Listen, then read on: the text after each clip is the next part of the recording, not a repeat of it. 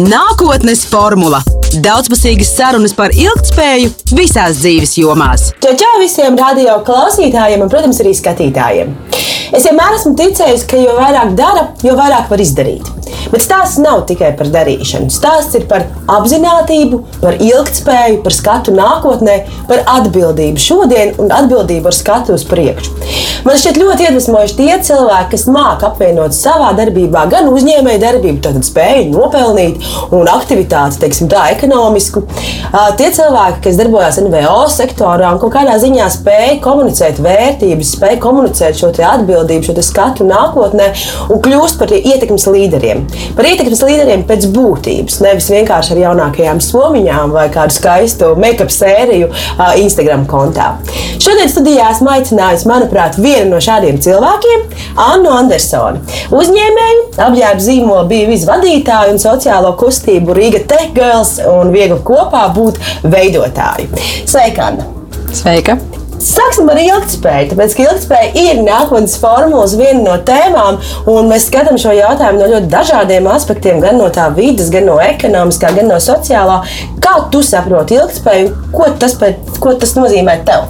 Ilgspēja, manuprāt, ir uh, koncepts, kas nozīmē, ka tas, kas ko mēs šobrīd veidojam, vai kā mēs šobrīd dzīvojam, nodrošinās to, ka mēs varam turpināt eksistēt, dzīvot un labi justies arī nākotnē. Tas, man liekas, ir ilgspēja. Un, kā jau arī pateicis, tas ir ļoti plašs jēdziens patiesībā. Uz to mēs varam raudzīties no ekoloģijas perspektīvas, vidas perspektīvas. Mēs varam uz to raudzīties arī no sabiedrības perspektīvas, no cilvēku. Un, teiksim, nu, tas, man, kas man liekas, ir svarīgi un pie kā es strādāju, ir tāda ilgspēja vidas kontekstā un um, ilgspēja arī ekonomiskā kontekstā un ilgspēja attiecību kontekstā. Tie ir tie trīs aspekti, ar kuriem es esmu saskārusies. Tīri praktiski, nu kā tu vari iemiesot to ilgspēju savā darbībā? Jo tie visi uh, koncepti un kaut kādā ziņā arī šī vīzija un tas cēlais mērķis, nu, ir tādi nemateriāli mm -hmm. lielākoties. Viņi ir saistīti tiešām ar, ar, ar ētiskām kategorijām, ar morālām vērtībām, ar kaut kādu, kaut kādu netaustām šo skatījumu nākotnē. Kā tu savā darbībā ilgspēju materializē? Mm -hmm.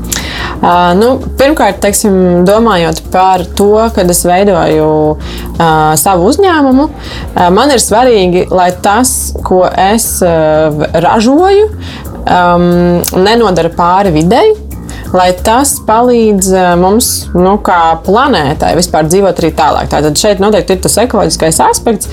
Nu, konkrēti savā apģērba zīmolā es izmantoju ilgspējīgus izēju materiālus.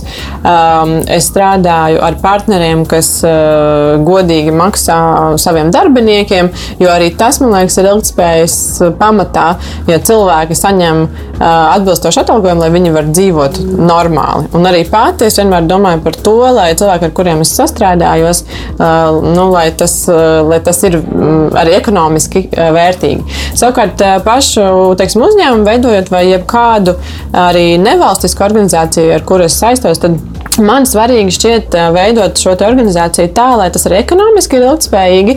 Tātad, lai es redzu, pirms man radās izdevumi, lai es redzu, kā mēs šos izdevumus varēsim nosakt un kā mēs viņus varēsim nosakt arī ilgtermiņā. Veidojot sadarbības, meklējot vērtību, arī naudisko vērtību tajā, ko mēs darām. Jo pat nevalstiskai organizācijai, kā piemēram Riga Cegels, vai arī veidojot kustību kādu, mums ir jāsaprot, kā tas funkcionēs ilgtermiņā. Jo, protams, mēs varam piesaistīt kaut kādu grantu, kaut kam, bet arī šie grantu piešķirēji mūsdienās jau diezgan skatās uz to, lai tas, ko viņi atbalsta, varētu pēc tam pastāvēt, pastāvēt arī pats patstāvīgi. Mm -hmm. Tad šī ilgspēja ekonomiskā aspektā. Un savukārt, attiecība ilgspēja, tas ir arī ļoti svarīgs, manuprāt, aspekts. Mūsdienās mēs dzīvojam tādā patēriņa kultūrā, patēriņa kultūrā pilnīgi visās nozīmēs. Mēs patērējam vienreiz lietojamas lietas, mums ir ātrā mode, kur uh, katru sezonu kaut kas jauns, visu laiku kaut kas jāmaina. Uh, atkritumi, kas veidojas no modes produktiem, ir vienkārši mežonīgi, ekstrēmi. Jā, tiešām, tiešām ekstrēmi, nepārspīlējot, tie ir ekstrēmi. Um, un uh, arī attiecības mēs uztveram kā vienreiz lietojamu preci.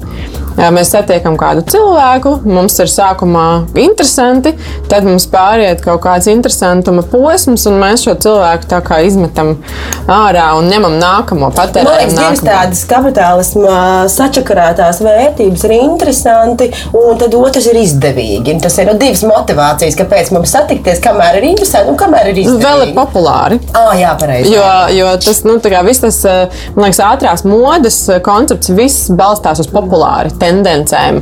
Uh, nu, un, un šī visa Instagram influenceru, YouTube influenceru uh, kustība arī ļoti, ļoti saistās ar šo populāru tendencēm. Un, uh, tas, nav, tas ir pretrunā ar ilgspēju. Mm. Uh, savukārt, ilgspējā mēs domājam par to, nu, es teiksim, arī domāju, veidojot tādu laiku materiāls kalpo ilgi, lai dizains, ko es veidoju, ir tāds, kas ne, ne tikai šajā sezonā ir aktuāls, bet lai tas komplementē cilvēkam, lai tas ir patīkams un ērts, un līdz ar to valkājams gadiem. Un, tas ir tas. Un attiecības, kad mēs būvējam, arī vajadzētu par to domāt tā, nevis tagad man ir interesanti, mēs kopā pēdam, patusējamies, bet lai mums būtu interesanti kopā gadiem, kā to darīt. Tu savā apģērba zīmolā mēģini ap, a, savienot īstenībā divas tādas varbūt pat grūti savienojamas lietas. Nu, viens ir tā attiecību tēma un tie pieskārieni, un tad viens ir tas tā mode un ilgspēja. Un savukārt, kā jau tu minēji, tie vidē draudzīgie izēja materiāli, tur, kā saka, mm -hmm. godīgā tirzniecība, proti godīgs atalgojums visām iesaistītajām pusēm un tā tālāk. Okay. Skaidrs, labi par, par audumu izvēli un atalgojumiem un tām lietām, kas ir ar to attiecību sfēru. Nu, kā, kādā, kā tu saproti to, kā šis apģērbs var veicināt, veicināt un, un stāstīt šo stāstu par to, ka domāt par attiecībām ir svarīgi? Nu, patiesībā apģērbs nav mans primārais uh, biznesa fokus. Mans, tas, tas, par ko es esmu gribējis runāt no pirmās dienas, bija, ir attiecības. Un attiecības tieši caur šo pieskārienu aspektu, jo tas, ko es sapratu vēlu savā dzīvē, cik ļoti liela nozīme ir tam pieskārienam un apskāvienam mūsu attiecībās un tieši ilgspējai. Tas ir ļoti nozīmīgi, jo tad, ja cilvēki, kas ir kopā, viens otram ikdienā pieskarās, jums ir šie ikdienas apskāvieni, tas pirmkārt ir ļoti veselīgi. Katrs var pārbaudīt. Vienkārši paņemt savu mīļo cilvēku, vakarā satiekoties, apskauties 20 sekundes un sajust, kas notiek. Ķermenis uh, uzņem pozitīvus hormonus, sajūtās labi, mm. sliktie hormoni mums pamet. Viss ir forši, tad tas ir īstermiņā pozitīvi. Un, uh, tas normalizēs izdarbību, asinsspiedienu, nu, vispār visādas labas lietas. Un tas arī uh, veido kontaktu starp cilvēkiem. Jo tajā brīdī mūsos izdalās tāds uzticības hormons, oksitocīns, kas liek uzticēties tam cilvēkam. Un, uh, Mēs vienkārši katru dienu atjaunojam uzticību. Uh, tas ir tā, kā tad, kad mēs kāzās esam, ja mēs precamies, tad viens otram sola, es būšu ar tevi kopā, tur slimībā un veselībā un tā. Bet mēs katru dienu to nesakām viens otram. Nepamosies rīt, es joprojām būšu ar tevi kopā, slimībā un veselībā. Es arī nekas tā mēs. Bet ar to pieskārienu mēs to pasakām bez vārdiem. Un tas ir tas, kas to ilgspēju attiecībās veido. Un tad savukārt viss tas pārējais, um, nu, ekoloģiski izējuma materiāli un, un godīgi samaksa, tas vienkārši man liekas ir bāze. Nu, bez tā veidot biznesu nedrīkst. Es nedrīkstu ražot produktu, kas darīs pāri pasaulē. Un, un viss, nu, man tas liekas, vienkārši tā, tā, tā nav mana biznesa kaut kāda īpašā īpašība. Tas vienkārši ir Nu, es, es nedrīkstu citādāk. Nu, tas ir no sērijas, kā, kā saka, kristietībā ir desmit baušļi. Tāda viena, kā saka, uzņēmēja darbībā arī būtu jābūt šiem baušļiem. Tas vienkārši ir startupā, ka tas nav nekas tur īpašs. Ar to vispār nevajag, kā saka, par to vajag stāstīt, bet ar to nevajag lielīties kā no sērijas lielāko pasaules, pasaules sasniegumu. Jo īstenībā tai būtu jābūt daļai no visa, visu uzņēmēju ABC. Jā, es, es teiktu, ka mūsdienās mēs nedrīkstam atļauties. Vienkārši mēs nedrīkstam atļauties veidot biznesa modeļus, kas balstās uz neilgtspējīgiem pamatiem. Vēl par tiem biznesa modeļiem un arī par šo ilgspēju un to tavu atbildību. Nu, Kā, kā tu nonāci līdz šai sajūtai, ka tu esi piederīga un atbildīga par globus? Kā, kā tu pārvilki šīs savas komforta robežas pāri savām dzīvokļu sienām, pāri Rīgas sienām, pāri Latvijas sienām un tam līdzīgi. Jo tas ir grūti un par, ļoti, par to ļoti daudz runā mākslas pasaulē, tehnoloģiju pasaulē, dažādās zinātnēs, dažādās nozarēs. Mēs atduramies pie tā, ka tas pieprasa kaut kādu vai nu pieredzi, vai zināšanas, vai ko tas pieprasa, lai cilvēks spētu domāt ne tikai saka, savas viensātas kategorijās, bet ar savu darbību izjustu lielāku atbildību un lielāku ietekmi. Mm -hmm. nu, um... Principā tāda ļoti izteikta interese par vidi man radās, tad, kad man piedzima pirmā meita. Man tas ir bijis nu, svarīgi vienmēr, bet, kad viņa piedzima, es sapratu to, cik tā jaunā dzīvība ir trausla un man svarīga, un cik nākotnē, patiesībā, kad es domāju par to, kā es ietekmēju pasauli un vidi, es domāju par to, kā dzīvos mani bērni un mani mazbērni. Vai viņi varēs iet peldēties tāpat, kā mēs to darījām, vai viņi varēs dzert ūdeni no krāna tāpat, kā mēs to varam atļauties, vai viņi varēs elpot bez maskām uh, kaut kad nākotnē. Un, un šis, tā, tas, tas man likās tik svarīgi, un vai vispār viņiem būs kur dzīvot. Jo nu, jau pēdējos daudzus gadu desmitus zinātnieki runā par to, ka nu, notiek tāda globālā sasilšana. Ko tas nozīmē? Tātad, ko tas nozīmē? Tas nozīmē, ka kaut kādā brīdī uh, kusīs šie ledāji un ūdens līmeņi celsies, kur vispār uz zemeslodes varēs dzīvot tajā brīdī. Un, uh, cik tad būs cilvēku? Cilvēku ir kļūst ar vien vairāk. Šķirst, Jā, nu, un kā tas viss būs? Un tad, nu, tiešām domājot par bērniem un bērnu bērniem, um, tas ir tas, kur man šķiet, nu, mēs nedrīkstam pieļaut nekādas um, atlaides sev. Tad, kad mēs domājam par to, kā tas, ko mēs darām, kā mēs šodien dzīvojam, kā tas ietekmē to vidi mums apkārt. Um, jo nu, mūsu dzīve jau mēs esam, nu, es esmu, nezinu, kaut kur jau nu, kaut ko jau nodzīvojusi, cik, kaut cik tālu. Un, uh, nu, kāda būs tā otrā daļa, trešā daļa, es nezinu. Bet, uh, Bet tas, kas man satrauc, ir bērni un, un viņu bērni un kā tas viss attīstīsies tālāk. Ja mēs šodien jau katrs apēdam kredītkarti nedēļā, plasmasas formātā, nu, caur mikroplasmasas daļiņām, kas iet caur ūdeni, caur mm, dažādu pārtiku, ko mēs uzņemam. Kas notiks pēc desmit gadiem? Kas notiks pēc 20? Kā tas ietekmē mūsu veselību tagad? Jo tad, kad es redzu, ka mans bērns ir saslims, tas man tiešām fiziski sāp. Un tas man tiešām ietekmē. Es gribu, lai mani bērni var būt veseli. Bet kā uh, plasmasas iedzeršana ietekmē to visu? Veselību. Jā, nu, te, ir, tas ir tas, kāpēc man tas iet ārpus mana dzīvokļa un Latvijas. Un visa, tas, tas ir visas uh, zemeslodes jautājums. Un mēs šeit dzīvojam vēl ļoti labā stāvoklī. Mm. Tas mums ir arī visiem jāsaprot. Mēs dzīvojam uh, daudz, daudz, daudz labāk nekā ļoti liela daļa cilvēku pasaulē jau šodien. Uh, mūsu vide, kurā mēs dzīvojam, ir ļoti labā stāvoklī salīdzinoši.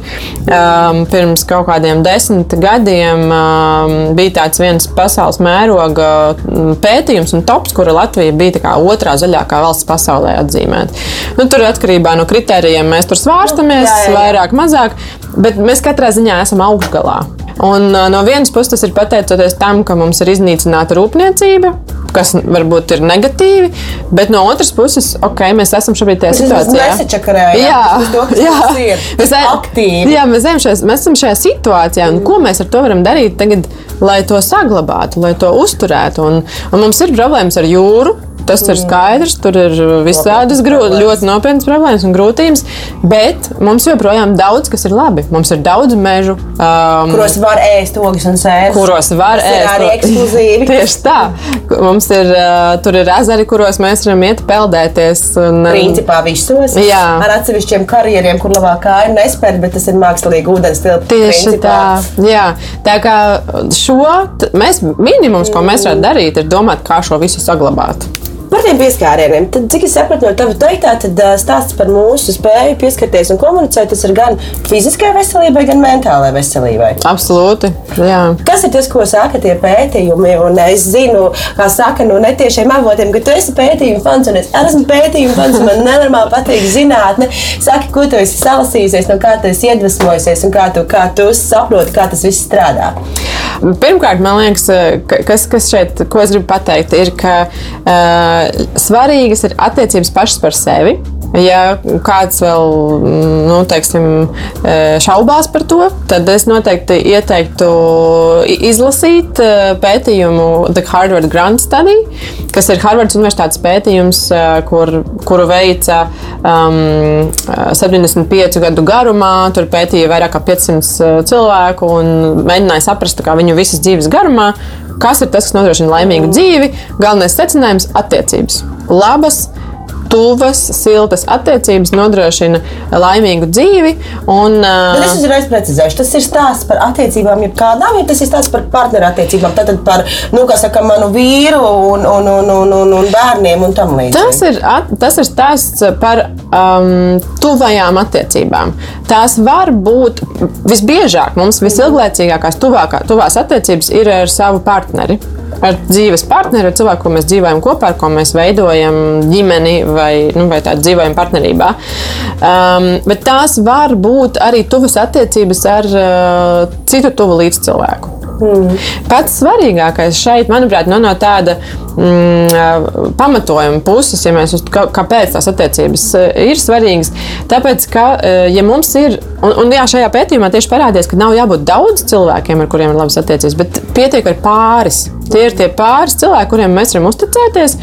Un um, šeit, tas, šeit, šeit tieši bija tā kā izpētīts, ka tas, ka mēs esam laulībā, nenodrošina vēl to visu. Jo laulībā arī var justies vientuļi. Nu, laulība ir tikai tāds formāls. Tieši tā, jā. Ta, tas ir institucionāls apstiprinājums tam, ka mēs oficiāli dzīvojam kopā, bet tam manuprāt, diemžēl nav nekāda tas, nozīme. tas, tas, tas nenodrošina šo. Bet tātad, ja mums ir uh, savstarpēji uzticēšanās, un mēs varam paļauties. Būtībā tas, kas cilvēkam dod šo um, labo sajūtu ilgtermiņā, ir, ka uh, es, man ir tāds tā kā, drošības tīkls. Ja, ja man kaut kas notiks, es zinu, ka ir šie pāris cilvēki, kas parūpēsies. Mm. Un tas ir tas, kas nodrošina um, lielāku, uh, nu, pirmkārt, ikdienā mēs jūtamies labāk, mums ir ar ko parunāties, mums ir ar ko pieskarties, apskauties. Otrakārt, uh, arī mēs esam drosmīgāki, mēs varam pieņemt kaut kādus lēmumus drosmīgākus. Mm. Mēs varam vairāk izdarīt, jo mēs varam dalīt kaut kādus pienākumus, atbildības. Tātad, tas, tas ietekmē pilnīgi visas dzīves jomas, jo tie cilvēki, kuri tātad, šajā pētījumā, kuri uh, iemācījās dzīves laikā vai, vai prata veidot šīs tuvās attiecības, viņi bija gan veiksmīgāki um, naudiskā ziņā, visādu sasniegumu ziņā, gan veselāki. Jo tātad viņiem ir pastāvīgi iespēja uzlabot savu veselību, izmantojot savus tuvākos cilvēkus, gan arī viņi jutās vienkārši laimīgāki. Mm. Visos šajos trijos uh, svarīgākajos aspektos, kas principā mums nodrošina labu dzīvi, veselība, uh, mūsu nu, pašis, pašizpausme uh, un arī tas, ko, cik mēs varam nopelnīt un kā mēs jūtamies emocionāli, visas tās trīs lietas ietekmē šīs attiecības. Tad attiecības ir tāda bāze visam pamatā, un tāpēc katram no mums vajadzētu būt svarīgi tās attiecības kopt. Savukārt, kā to darīt, tad tur atkal ir citi pētījumi, kas par to runā. Un, jā, šeit bija tas, tas ka vairākos pētījumos patiesībā es ievēroju šī ikdienas pieskāriena nozīmi, kas, kas nav kaut kas tāds, par ko plaši runā cilvēki. Un, uh, un man tas likās tik interesanti, ka es nolēmu, pats es gribu par šo arī citiem stāstīt. Un kā gan es par to citiem stāstīšu? Es, es varētu lasīt lekcijas, bet uh, nu, par pieskārienu. Nē, noteikti nu, būs savu mērķu auditorija, bet būs tāds, kas vienkārši tas gulīgs prātā sajūta. Tieši tā. Nu, un tad, tad man radās tā ideja, ka Un varbūt tas ir tā netieši. Un, uh, un kā gan es varētu, nu, kas, jo es esmu uzņēmējs, arī pirms tam esmu bijis uzņēmējs, veidoju produktus, pakalpojumus. Kā es varu cilvēkiem atgādināt par to pieskārienu ikdienā? Un tad es domāju, nu, bet kas mums traucē pieskarties? Tā traucē tas, ka mums nav laika, mums nav vietas. Īstenībā mēs visu laiku esam aizņemti, mēs nonākam mājās pārguruši, tad mums ir bērni apkārt, mums ar viņiem jātiek galā, kamēr mēs tiekam līdz gultai, kur it kā varētu būt tas sociāli atļautais pieskāriens un apusējais. Tad jau ir nu, tāds pārgurums un visu laiku domas griežās, pats rītā vēl jāizdara tas un tas un tas, un tu vairs, nu, tā kā vairs nav. Jā. Un tad, tad mums nav laika, mums nav vietas. Un, tad, um, un mēs arī visu laiku esam apģērbti. Šeit ziemeļos dzīvojot, mums ir visu laiku no galvas izkājiem. Un tā ir tā doma, ja nu mums būtu tāds apģērbs, ar kuru var tā slepeni pieskarties otram. Mm. Jo arī mūsu kultūrā tā pieskaršanās viens otram īstenībā nav īsti akceptēta. Nu, tie jau ir tādi Nu, tie jau tur, nu, nē, nē, tie, tur kaut kas viņiem nav īsti kārtībā, ja viņi tur publiski viens otram pieskarās. Nu, un, jā, man liekas, es nezinu, ja parkā kāds sēž uz soliņa un bučojās un dara to trīs minūtes, tad vismaz būs trīs garām gājēji.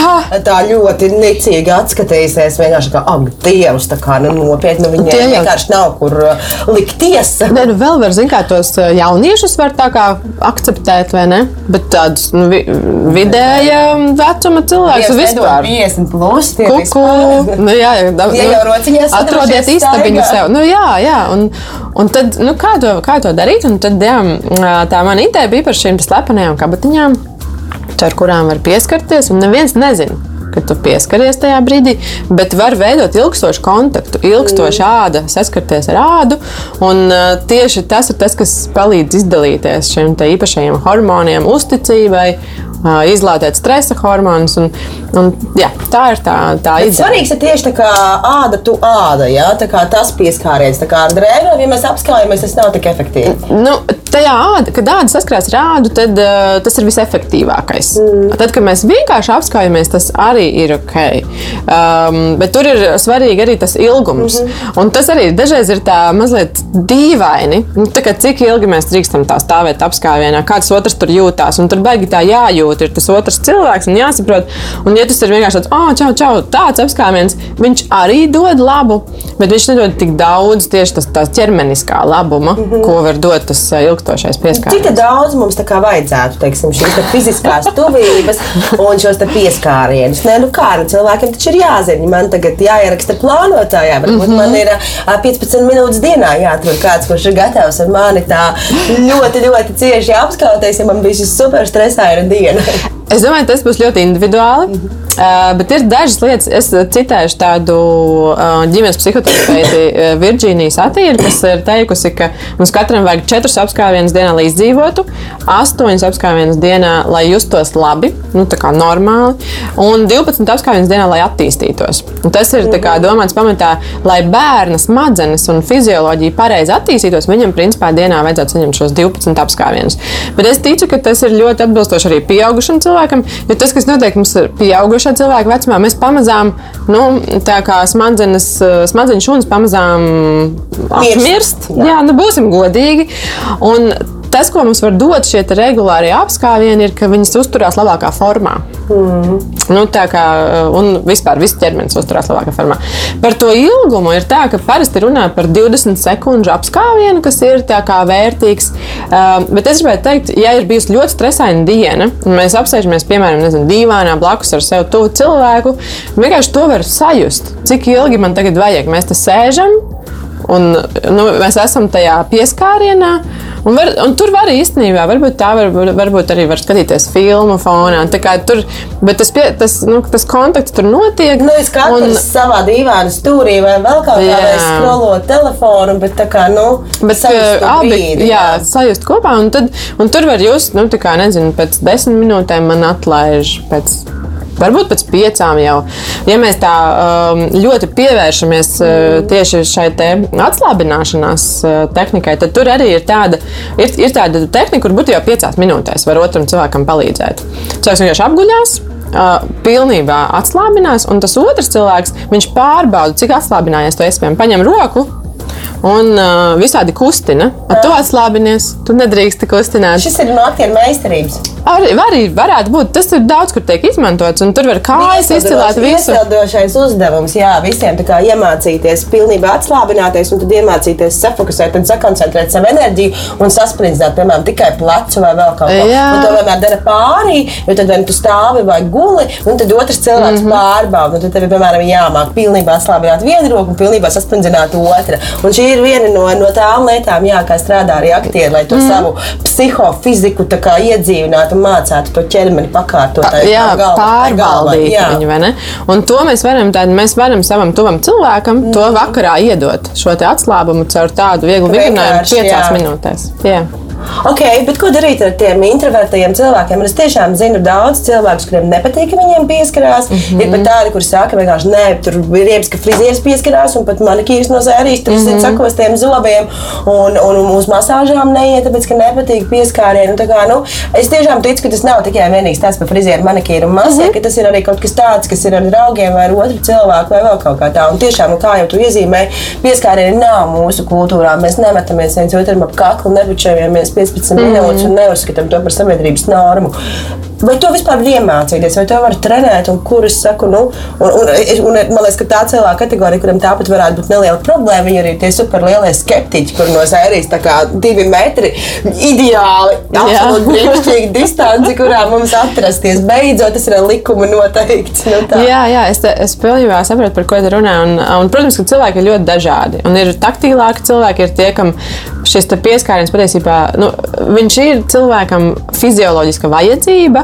Dažiem lielākā, dažiem mazākā mērā, bet tāpat kā mums vajag ēst un dzert, tāpat kā mums vajag uh, elpot, nu, tāpat mums ir vajadzīgs arī otra cilvēka pieskāriens, jo mēs esam sociālas būtnes. Bet, protams, ir šie cilvēki, kuriem ir dažādu iemeslu dēļ uh, mazāka tā vajadzība, vai varbūt viņi tā kā viņu nu, kaut kādā veidā nevēlas. Um, tas, ko mēs varam attiecībās darīt, ir, protams, vienkārši runāt par šo, jo katram mums ir mazliet citas vajadzības. Vienam cilvēkam var uh, patikt, ka viņam, nezinu, kasta muguru, otram cilvēkam varbūt ir uh, ļoti svarīgi, ka tas cilvēks nomazgā traukus. Un uh, mēs varam šeit runāt, kā man, man ļoti svarīgi ir tas pieskāriens, es gribētu to saņemt, ko es varu izdarīt tavā labā, uh, lai nu, tad mēs varam sarunāt tā kā to roka, roka mazgā roku, ka mēs vien, viens otru atbalstam.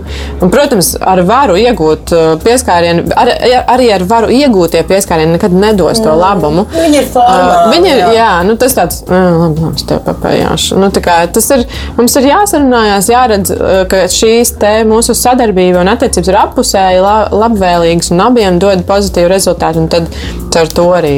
Bet strādāt. īstenībā tas nāk arī tādam parastam rokas spiedienam. Es vienkārši tev pasaku, arī oficiālā sanāksmē, labdien, Anna, mm. -hmm. vai mēs paspiežam roku vai apskaujamies. Tas arī varbūt maina un Tas maina. kaut kādā veidā to mūsu no serijas tur hierarhijas, nezinu, starp vadību un padotajiem vai starp, nu, nezinu, jā, situācijā, kur jānoslēdz jauns partnerības Mhm. līgums. Jā, tas pilnīgi noteikti maina, un par to arī ir pētījumi. uh, ir tātad, jā, ka tad, ja mēs vēlamies izveidot uh, darba vidē vai ar kādu partneri pozitīvākas un savstarpēji tādu lielāku uzticību veidot, var padomāt par veidiem, kā mēs šo pieskārienu varam veicināt. Mūsdienās tas kļūst ļoti sarežģīti ar covid un visu, kad pat rokas spiediens tā tad uh, tiek uh, nu, teiksim, tā, ne noniecināts, bet nu, nevēlams bieži vien. Mm. Un tad es zinu, ka citi tur ar alkoholīšiem vai nesasitās, vai tur kaut kā, kas arī jau dod to pozitīvo. Uh, bet jā, pētījums bija par to, ka tātad, kad mēs nu, runājam par līguma noslēgšanu ar kādu partneri, tad, teiksim, pie satikšanās mēs tā kā, jā, nu, bija prieks iepazīties. Mm -hmm. Un šis pieskāriens pie pleca vienkārši tāds, viņš jau rada kaut kādu nu, tā kā, nu, pozitīvā, kausē jā, viņš kausē ledu savstarpējo, un viņš satuvina cilvēkus. Un, uh, tiešām tas, tas ir pētījumos pierādīts, ka tas strādā. Domājot par tiem pieskārieniem, es priekš sevis esmu atradusi vienu arī tādu tēzi, kas man liekas, varētu strādāt. ir Tas, ka, lai tu ļautu sev pieskarties, tev ir īstenībā jāpieņem pašam sevi un jāiemīl mm -hmm. savs ķermenis un tam līdzīgi. Nu, kā tu redzi to savukārt, šo, kā tu tik galā ar tām savām barjerām? Jo tas, ka es varu samīļot tevi, tas nenozīmē to, ka es jutīšos baigi ērti, ja tu metīsies un mīļosi mani. Mm -hmm. Dažkārt vi, do, dot ir daudz vieglāk nekā pieņemt to un palūgt to. Bet tas, manuprāt, strādā tikai un vienīgi tad, ja ir divu virzienu kustība. Kā ir ar to sevis pieņemšanu, to savu ķermeni un, un tām lietām? Noteikti sevis pieņemšana, sevis mīlēšana ir pirmais solis. Jo cilvēks, kas ne, nepieņem un nemīl sevi, nekad arī nevarēs pieņemt un mīlēt citus. Un tāpēc jā, tas, tā, tā jau ir tāda pavisam cita, man liekas, arī plakne. Bet, bet ļoti svarīga jā, ir, ir pirmkārt ir darbs ar sevi. Mēs, ne, mēs arī nevaram būt attiecībās. Ja es ne, neesmu apmierināta ar sevi, nemīlu, nepieņemu, es nevaru īstenībā veidot arī attiecības ar citiem, jo man uzreiz būs grūtības, un, un, es, un, un arī daudz grūtāk ir pieņemt citus cilvēkus tajā brīdī. Mm. Tāda sevis pieņemšana notiek pirmajā vietā, un tas pats jā, noteikti arī attiecās uz pieskārieniem, jo, nu, ja es nepieņemu savu ķermeni, man ir grūti pieņemt šos pieskārienus vai samīļošanu. Nu, tad kāpēc? Varbūt, nu, tā kā mans mm. ķermenis īstenībā to nav pelnījis vai kaut kas tamlīdzīgs. Tas būtu tas pirmais solis, pieņemt sevi, un tas jau katram savs ceļš ejams. Jā. Nu, tas iespējams ir gadsimta jautājums arī saistībā nezinu, ar šo pašu popkultūru un, un kā saka, šo influenceru oh, ietekmi, ko mēs esam jau ieskicējuši sarunas sākumā. Tā ir atkal cita tēma, par to nediskutēsim. Bet kā tavuprāt ir tie pirmie soļi, kā iemīlēt to savu ķermeni? Un kas mums var palīdzēt viņu viņu iemīlēt un pieņemt. Jo tajā ķermeniskajā faktorā slēpjas gan tāds apģērbs, mm -hmm. gan tie pieskārieni. Un, kā, mhm. nu, saku, attiecības kaut kādā ziņā jau ir tas, kas pēc tam seko. Oh, tas ir labs jautājums. Es neesmu psihologs. Un, un šis ir no tavas pieredzes, un no tā arī zinu, kad, kad arī tavs, tava apģērba zīmola vērtību kategorijās ir tas body pozitīvs, tātad mm -hmm. nu, mhm. apmierinātība un komforts tajā, kāds tu esi. Kā, nu, kā tev šķiet, kā tu vari ar savu darbību, ar savu apģērbu, un iespējams arī citām kaut kādām praksēm mm -hmm. vai tehnikām, ko tu esi arī par pieskārieniem runājusi un, un, un testējusi. Kā, kā mēs varam to mm -hmm. Veidot? Nu, mm, es domāju, ka uh, pirmkārt uh, mums ir jāpārstāj skatīties uh, visus tos paraugus, ko mums demonstrē arī modes pasaule ar kaut kādiem šiem jocīgiem, idealizētajiem ķermeņiem, kas ir tikai patiesībā mūsu uh, ga gadsimtā parādījušies. Šie, uh, izteikti tievie um, nu, ar kaut kādām konkrētām proporcijām. Uh, ja teiksim, pirms, pirms pāris simtiem gadu uh, bija pilnīgi citi skaistuma ideāli, un tie skaistuma ideāli pastāvīgi mainās. Un šobrīd ir tiek idealizēts šis kaut kāds viena veida, ļoti izteiktais ķermenis, kurš absolūti īstenībā nav, nu, nav normāls tādā ziņā, ka nav iespējams visiem tādam būt. Mm. Un tas, kas mums būtu jāsaprot, ir, ka mans ķermenis, tas ir mans fantastiskākais vispār Uh, nu, īpašums. Ķīmijas, fizikas, izgudrojums, bioloģijas sasniegums. Jā, bet, un, un tas ir tā lieta, kas īstenībā man pieder. Nu, neviens cits cilvēks man nevar piederēt, vispār lietas viņas tur tā. Šobrīd šajā dzīvē, uz šīs zemes, tas ir tas, kas man bū, ar mani būs visu laiku. Nu, līdz, līdz noslēgumam kaut kādam, kad ķermenis izbeidz savu darbību. Bet uh, tas ķermenis, tad viņš ir, par viņu ir jārūpējas un viņš ir jāmīl, jo tas ir vienīgais, kas man ir. Man cita ķermeņa nav, un es nevaru viņu nomainīt. Man nav jēga viņu nemīlēt. Un, un uh, viņš ir arī tas, kas noteiks, kā es jūtos, kā es attīstos, kā es darbojos um, un kā tas arī gadu gaitā attīstīsies. Un, uh, tāpēc, jā, liekas, tas, kas nāk, visa tā informācija, kas mums nāk no nezinu, skai, uh, skaistuma žurnāliem un, un ko mēs redzam internetā, tagad izteikti gan filmās, gan video, gan insta, Instagrameros. Um, tas, tas viss, nu, ļoti daudz kas no tā mums liek justies slikti par savu ķermeni, jo mēs it kā kaut kam neatbilstam. Mm. Un tas ir tas, kas, ko mums vajadzētu pārtraukt domāt. Jo katram mums ir dots tāds termins, kāds, kāds mums ir dots. Mēs varam par viņu rūpēties maksimāli labi, cik mēs par viņu spējam rūpēties. Izglītot sevi, kā viņu uzturēt labā formā, jā. Barot viņu ar labu ēdienu, nodrošināt viņam fiziskas aktivitātes un ļaut viņam justies labi. Ja mums patīk iet pirtī, iet pirtī, ja mums patīk peldēt, iet peldēt, ja mums patīk pieskārieni, tad to, to arī organizēt sev. Um, un, jā, nu, vienkārši censties neustvert to masu komunikāciju, kas pār mums, kas pār mums gāžās, um, neustvert to tik, tik nopietni un tik tik personīgi un, un censties jā, būt neatkarīgākiem. Es teiktu, neatkarīgākiem un sevi mīlošākiem. Es Covidā vienu rakstu lasīju, kur arī bija pacelts tieši šis jautājums par to, ka mums jau tāpatās vienkārši visa tehnoloģija, komunikācija un šis introvertais dzīves stils, kurš no vienas puses ir ļoti pompos un āršķirīgs sociālo mediju vidē, bet īstenībā ļoti vientulīgs un ļoti izolēts tajā ikdienišķajā pieredzē. Mm. Nu, kad mums ir jāsāk bez maz vai pašiem mājās mācīties sevi apskaut no sērijas, ja tu tiešām esi divu nedēļu izolācijā un vienkārši netiec pie viena cilvēka, tad, nu, lai cilvēks neslīgtu prātā, ka no sērijas, ka viņš pat pats var sevi mm -hmm. paklaudīt un apskaut, kas no vienas puses bija likās, kā saka, ja tas būtu varbūt tās, es nezinu, kaut kādā tur uh, smieklīgā portālā, kā, kā, kā, kā, kā, kā raksts, tad tu to uztvertu vienādi, bet tas bija īstenībā viena tēze no viena tiešām atkal zinātniska pētījuma, mm -hmm. kur arī bija izvilkts laukā, un tieši tad arī ir tāds, ka come on, nu, ja tu sēdi un tiešām esi viens, nu, tad paglaudi sevi vai apmīļo mm. sevi vai kaut kādā veidā miedarbojas ar to ķermeni. Pilnīgi noteikti. Un, un mēs jau uh, neapzināti darām šīs lietas. Tad, kad mēs esam kaut kā satraukti, cits cilvēks jau paberzē kāklu. Tā matu, jā, matus, jā, matu. Tas, vi, visas šīs darbības. Tas mēdz tā te visu laiku laudīt. Sev, Tieši tā, tas, tā ir sevis mm. nomierināšana. Un, uh, un tas ir pilnīgi ok to darīt nu, vispār visa veida pieskārieni sev ir pilnīgi ok. um, jā, tā kā mums jau nu, par, par, nezinu, par to pašu pašapmierināšanos arī gadu mm. simtiem ir bijušas ietekmes, kas saka, ka tas ir slikti nu, tas un grēks un vēl kaut kas. Jā.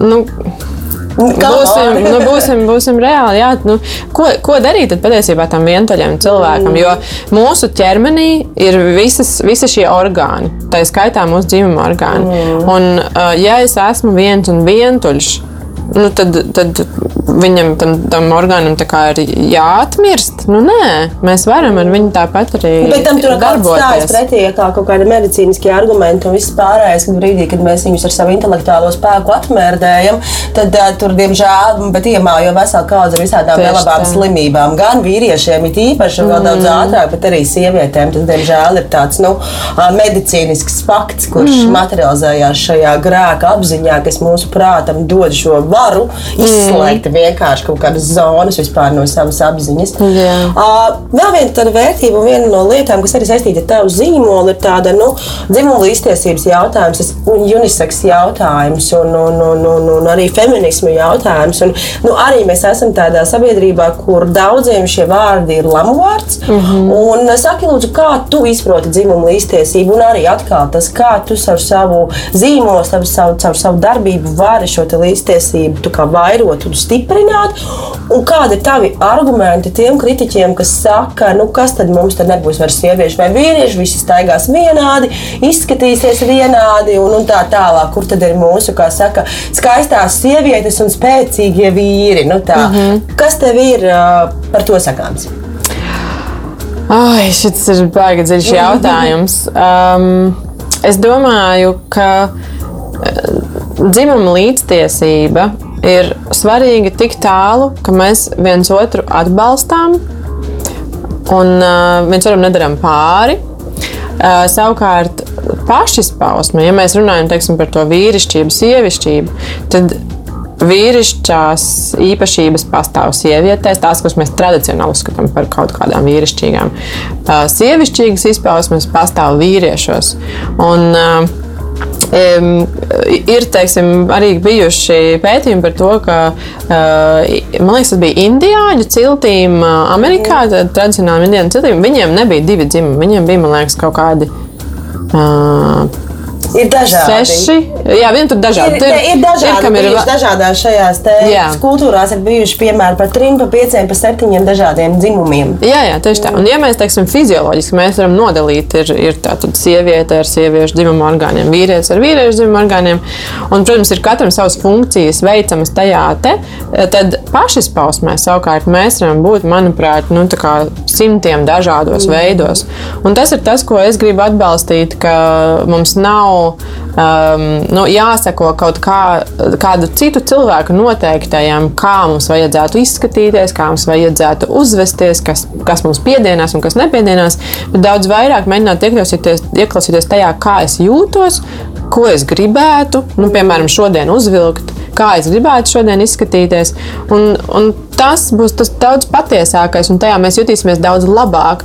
Jo tas, ko mēs gribam, jau patiesībā mēs gribam, lai mūs pieņem tādus, kādi mēs esam. Un, uh, mēs savukārt pielāgojamies kaut kam citam, tāpēc, lai mūs vairāk pieņemtu, bet mēs nekļūstam laimīgāki. Pārveidojot sevi par kaut ko citu.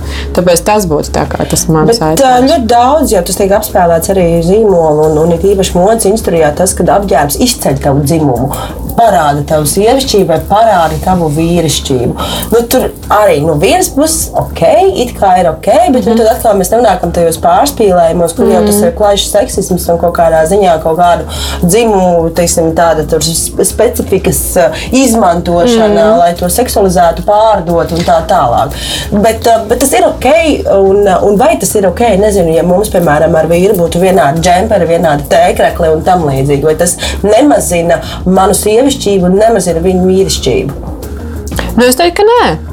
Es teiktu, absolūti nē, jo tu esi sieviete tāda, kāda tu esi.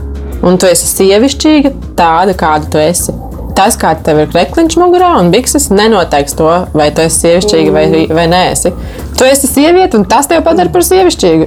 That's Tas, it. kas ir zemdrē, Jā, nē, tas, viss, man, vi, tas ir viss. Jā. un tas, kas ir manā galvā. Un kas ir tavā galvā? Tieši tā. Un vīrietim ir tieši tāpat. Viņš jau ir vīrietis un vīrišķīgs. Viņam nav vajadzīgs specifisks apģērbs, vai pulksteņi, vai mašīnas, lai padarītu viņu vīrišķīgu. Viņš jau ir vīrišķīgs. Un, um, jā, tā, nu, tā kā man liekas, um, šie, nu, protams, ab, apģērbu zīmoli un dažādi citi zīmoli, biznesi veido uz šī pamata uh, mārketingu. Viņi cenšas izmantot šo vīrišķību, kaut kādu specifisko, sievišķību, specifisko, lai kaut ko mums pārdotu. Mm. Mums jāpārdod. uh, Nezinu, spe, īpaši kaut kādi matu līdzekļi, krā, nagu lakas, Mežģīna. Mežģīna, jā, tieši tā. Tas viss nu, ir. Būs cilvēki, kuriem tas patīk, un tas ir ok. Viņa, man patīk mežģīnas, es viņas velku. Man nepatīk mežģīnas, viņas nevelku. un Tas nepadara mani kādā veidā mazāk sievišķīgu. Jā, tas nav stāsts par to, vai tu esi vai nē, esi vīrietis vai sieviete. Tas ir stāsts par to, vai tev tas patīk, vai tas tev ir vajadzīgs, vai tas tev beigās dara laimīgu. Un, ja tev tas dārgais pulkstenis dara laimīgu, nu, Tad, tad cīnīties par savu pulksteni.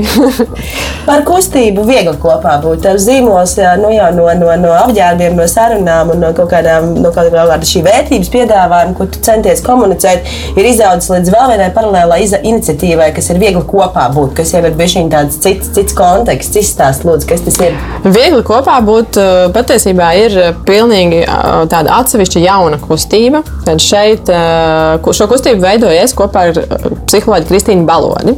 Tad mēs esam sanākuši kopā, un mūsu mērķis ir runāt par attiecībām plašākā kontekstā. Uh, Latvijā, kur par attiecībām runā ļoti maz. Un mēs uh, abas šo esam ievērojušas, un, uh, un tāpēc arī sanākuši kopā un veidojam viegli kopā būt. Viegli kopā būt mērķis ir uh, piedāvāt resursus, idejas, um, prakses, kā mēs varam attīstīt tās savas attiecības, lai viņas ir ilgspējīgas. Atkal par to ilgspējību. Uh, jo nu, mēs ar Kristīnu abas ticam, ka uh, attiecības ir pamats tam, lai būtu laba dzīve, lai mēs būtu laimīgi. Uh, un ka ir veidi, kā mēs varam šīs attiecības uzturēt tādā labā formā. Un tāpēc jā, mēs veidojam šo kustību, un tagad arī uh, tieši tūlīt 10. oktobrī mēs rīkojam bezmaksas tiešsaistes konferenci. Tad pieejama būs tiešsaistē, Facebook un vēl dažādos kanālos, kurā mēs aicināsim dažādus vēl arī citus profesionāļus, ārstus, psihoterapeitus, dažādus nevalstisko organizāciju pārstāvjus iedziļināties šajā attiecību jautājumā. Un tieši šoreiz mēs runāsim par mentālo veselību, jo 10. oktobris tā ir Pasaules garīgās veselības diena. Mēs tagad ieejam tajā tumšajā periodā, gada, rudens, ziema, kad, kad, kad mums ir mazāk saules, mazāk D vitamīna. Līdz ar to garas stāvoklis mēdz būt arī um, varbūt nu, Covid slāvē pie durvīm. Pie durvīm. Nu, ta, tas, ir, tas ir papildus, papildus mm. faktors. Bet uh, mēs gribam principā jā, um, atbalstīt visus cilvēkus, kuri vēlas veidot pozitīvas attiecības, um, piedāvājot šo informāciju, zināšanas, uh, ekspertu redzējumus par to, kā mēs varam to uzturēt labā formā un uzlabot. Tātad 10. oktobris, cikos, kur meklēt informāciju, kā pieteikties? 10. oktobris, 10. 10. sākam. Facebook, Facebook mūsu viegli kopā būt lapā ir mm. pasākums, kurā var pieteikties, un tur arī būs visa informācija. Viss bezmaksas dalībnieku skaits neierobežots, viss tiešsaistē. Jā, jā tieši ok, Covid likumi visi darbojās, tiekamies online. Cerams, ka vēl kādu reizi klātienē. jā. Tas noteikti tas, tas jau atkal būs pieejams. Okay, uh... Šādi arī dažiem studijas viesiem prasa tos novēlējumus klausītājiem. Man šķiet, ka uh, šis varētu būt tas gadījums. Kāds būtu tavs novēlējums? Okay, mans novēlējums. Um, es novēlu mīlēt sevi, mīlēt savus tuvākos, nebaidīties no tās mīlestības un, uh, un meklēt uh, atbalstu dažādos resursos, ja ir kaut kādas bāžas, šaubas, grūtības. Bet vienmēr labs risinājums ir apskāviens. Tā kā apskauties katru dienu, to es arī novēlu. Paldies, tev par sarunu! Paldies tev! Studijā viesojās Anna Andersone, dzīmola bija vizdibinātāja un sociālo kustību viegli kopā būt un Riga Tech Girls arī vadītāja un dibinātāja. Līdz nākamajai reizei! Raidījums tapis sadarbībā ar Nacionālo elektronisko plašsaziņas līdzekļu padomi sabiedriskā pasūtījuma ietvaros.